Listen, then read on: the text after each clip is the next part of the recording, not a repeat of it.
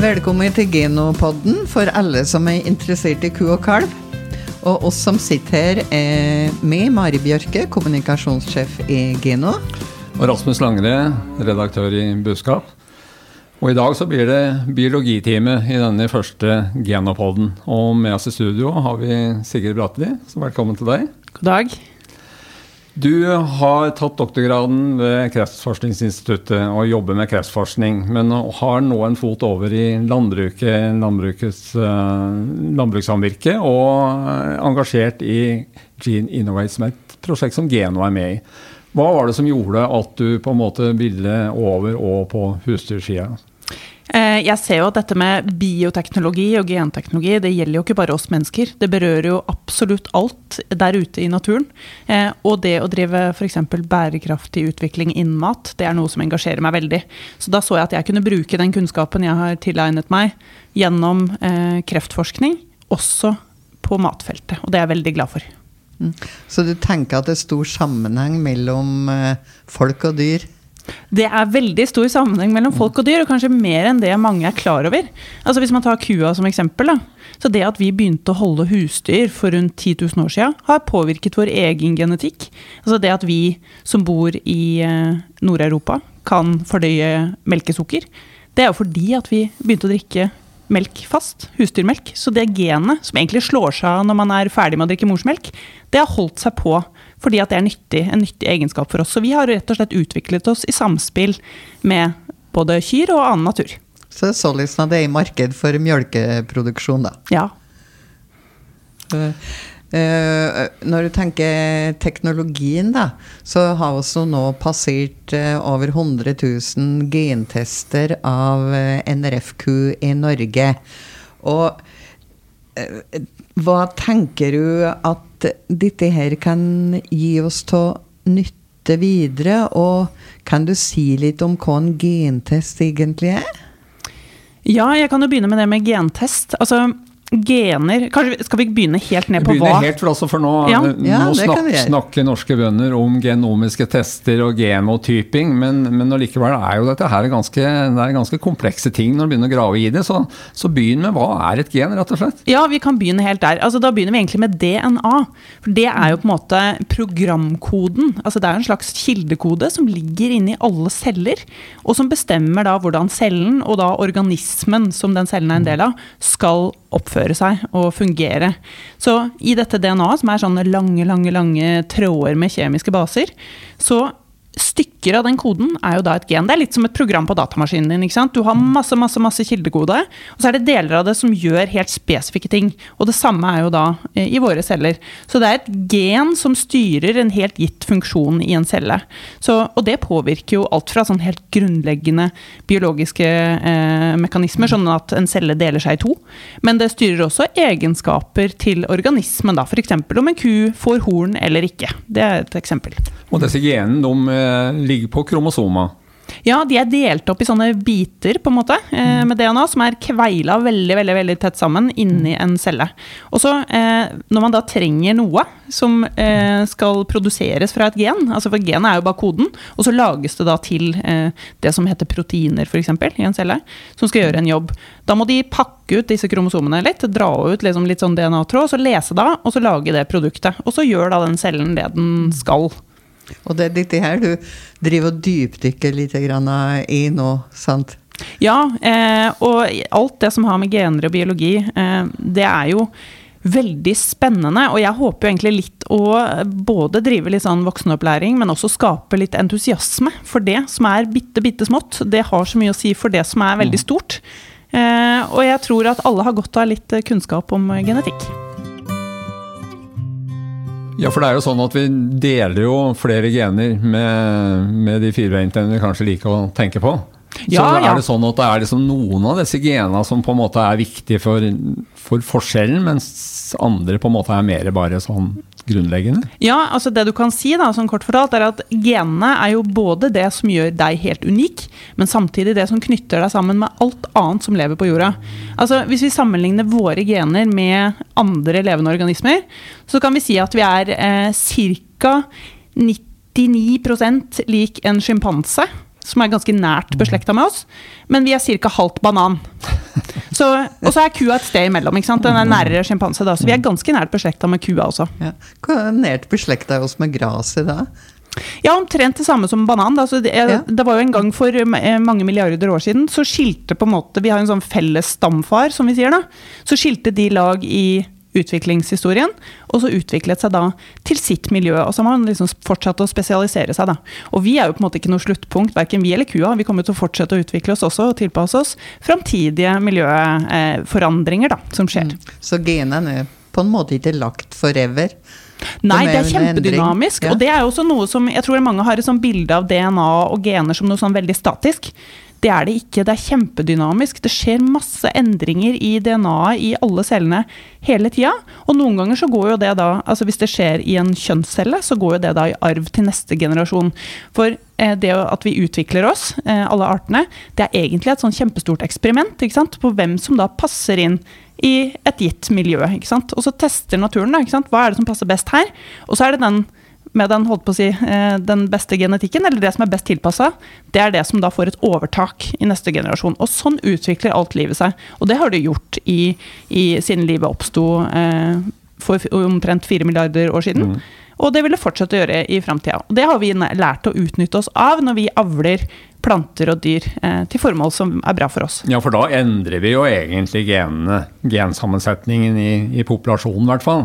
Ja, altså man velger jo ut, da. Man overstyrer jo litt. fordi vanligvis er det jo på en måte naturen som bestemmer hva som eh, er det mest gunstige.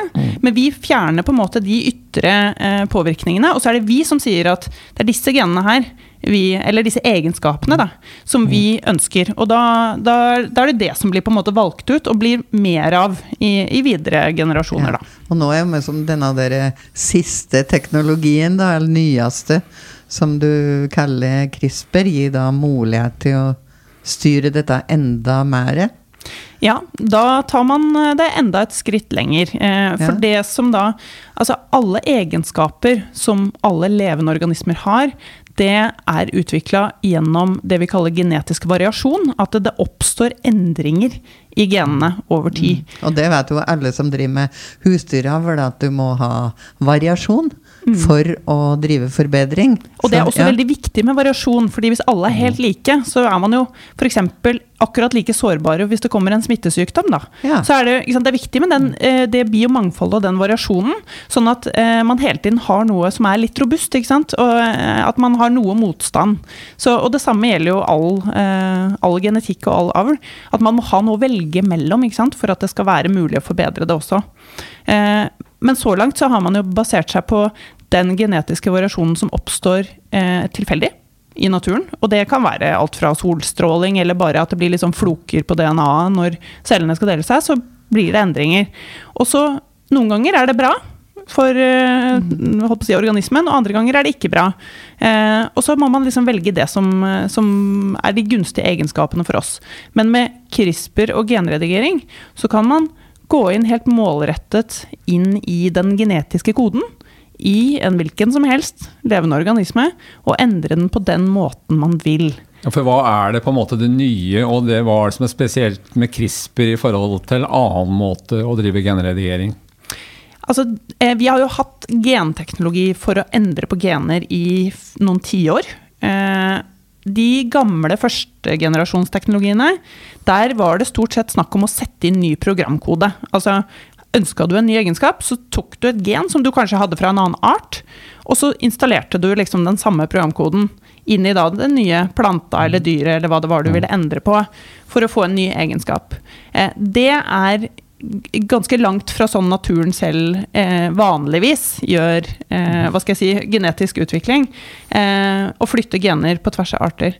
Men med CRISPR og genredigering så trenger man ikke å gjøre det. Man kan gå inn og egentlig etterligne det som naturen gjør selv. Altså disse endringene som skaper den genetiske variasjonen, den kan man lage med CRISPR. Så den gir jo et mye større mulighetsrom i typen genetiske endringer man kan gjøre. Og den er også billigere å bruke og enklere å bruke enn de gamle teknologiene, som gjør at det er mange flere som er med på forskning og utvikling på dette området. Og nettopp derfor eh, så er det jo kanskje mange som er skeptiske eh, i dag. Hva vil du si at eh, dem, Sigrid? Det er en sunn skepsis. Altså det å endre på gener, det er jo ikke noe man skal ta for lett på heller. fordi det er jo nettopp på en måte livets kode som man endrer på. Og man har ikke alltid helt oversikt over hvilke konsekvenser det kan ha, og spesielt på lang sikt. da? Når man ser hvor viktig genetikk er for hvordan man tilpasser seg et miljø. Eh, så det er en sunn skepsis, og det er jo noe som hele landbruket har. Samtidig så er det veldig viktig å huske på at de mulighetene som ligger i genetikk, og som vi jo har sett fra f.eks. dette med genomisk seleksjon, der man mm. velger ut ønskede genetiske egenskaper, hvor mye det kan ha å si f.eks. For, for matsikkerhet eller dyrevelferd. Mm. Det kan man potensielt også gjøre da enda mer effektivt med genredigering. Så det ligger noen muligheter der som man er nødt til å diskutere. Men det at det er enkelt, og da etter hvert vil bli billig, liksom ser du noen faremomenter der at det er på en måte at det vil uh, kunne komme litt ut av kontroll? Og terskelen for å ta det i bruk vil være lav for kanskje miljøer vi ikke ønsker skulle begynne med det? Absolutt, dette, men dette er også tosidig. Det, det stemmer det, at man har kanskje mindre kontroll når det er lett å bruke. Og vi ser jo det kanskje ikke først og fremst innen matproduksjon, men man ser det jo Det fins jo en bevegelse som heter uh, do it yourself biology, som er sånn uh, gjør det hjemme på stuegulvet. Da er det ikke kyr og sånt de holder på med, men det er jo mye sånn bakterier og gjær og, og, leker seg litt med det. Og så er det noen som prøver å gjøre det på seg sjøl, da. Ikke sant? Og, og skulle endre på sine egne egenskaper. Og det er jo ikke en udelt positiv utvikling, vil jeg si. Det er jo utfordringer knytta til det. Men samtidig så er det det med eh, tilgjengelighet og hastighet i dette kan også ha noen positive sider. For når man ser f.eks. på behovet for grønn omstilling, det å mm. utvikle planter som er tilpassa et eh, klima og et miljø som er i rask endring, så er det med å faktisk kunne få den hastigheten også et pluss. Men det byr på utfordringer. Fordi når man gjør ting raskt, så er det også vanskeligere å holde kontroll. Så vi står jo overfor noen eh, ganske krevende diskusjoner om hvordan skal man best tilrettelegge for en bruk av denne teknologien som man kan både utnytte mulighetene, men samtidig klare å holde kontroll, da. Men, men muligheter her, hva ser du hvis du skulle tenke på kua på en måte, og, og storfe? Sånn på, hva, hvilke muligheter er det som ligger nærmest i løypa når det gjelder bruk av CRISPR-teknologien? Ja, altså Det vi ser ø, internasjonalt i forskningsfronten her, er jo Det har jo veldig mye med dyrehelse å gjøre. Altså det å uh, kunne gjøre dyrene motstandsdyktige mot smittesykdom, f.eks. Det er jo veldig viktig, og der er det veldig mye interesse. Uh, både fordi at det er god dyrevelferd, og også fordi at det er bra økonomisk. Altså Syke dyr, det er ikke lønnsomt. Så, så, det å ha god dyrehelse, det er veldig viktig.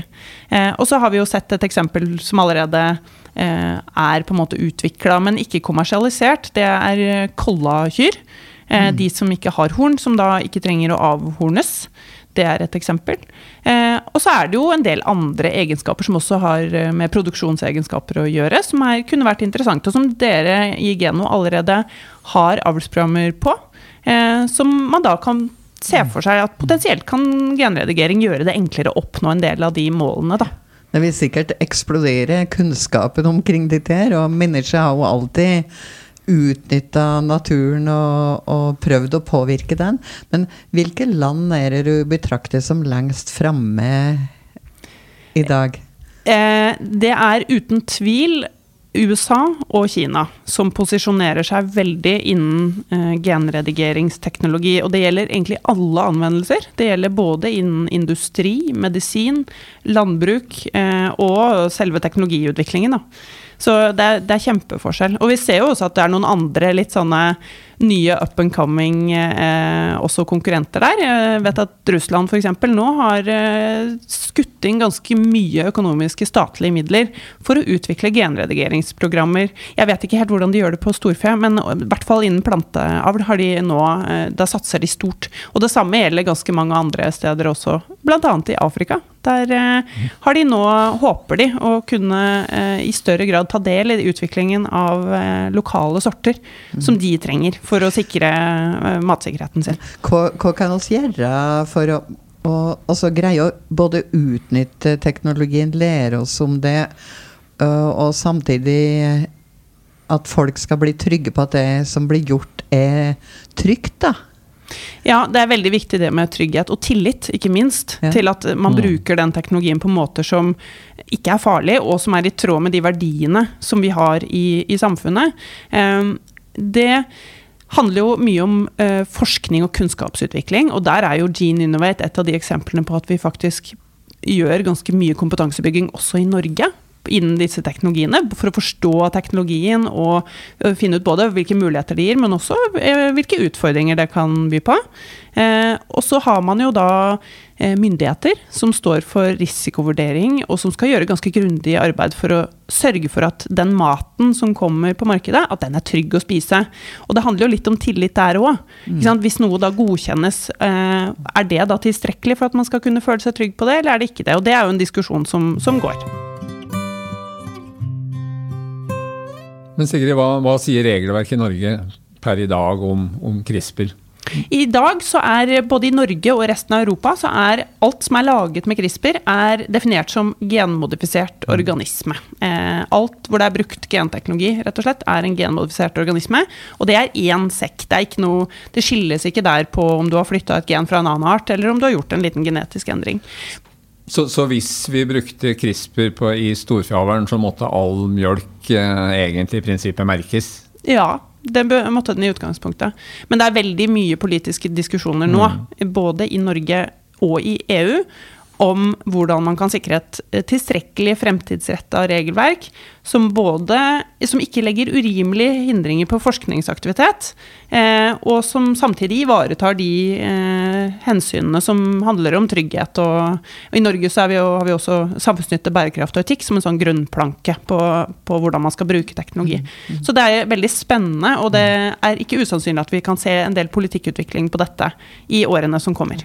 Du har jo kartlagt litt eh, synet på teknologien i Norge. Kan du si ørlite grann omkring det? Ja, det er jo en del av dette Gene Innovate-prosjektet. Eh, det var mens jeg jobba i Bioteknologirådet, og så har jeg nå fortsatt med det etter at jeg har gått direkte inn i dette Gene Innovate-prosjektet gjennom landbrukssamvirket også.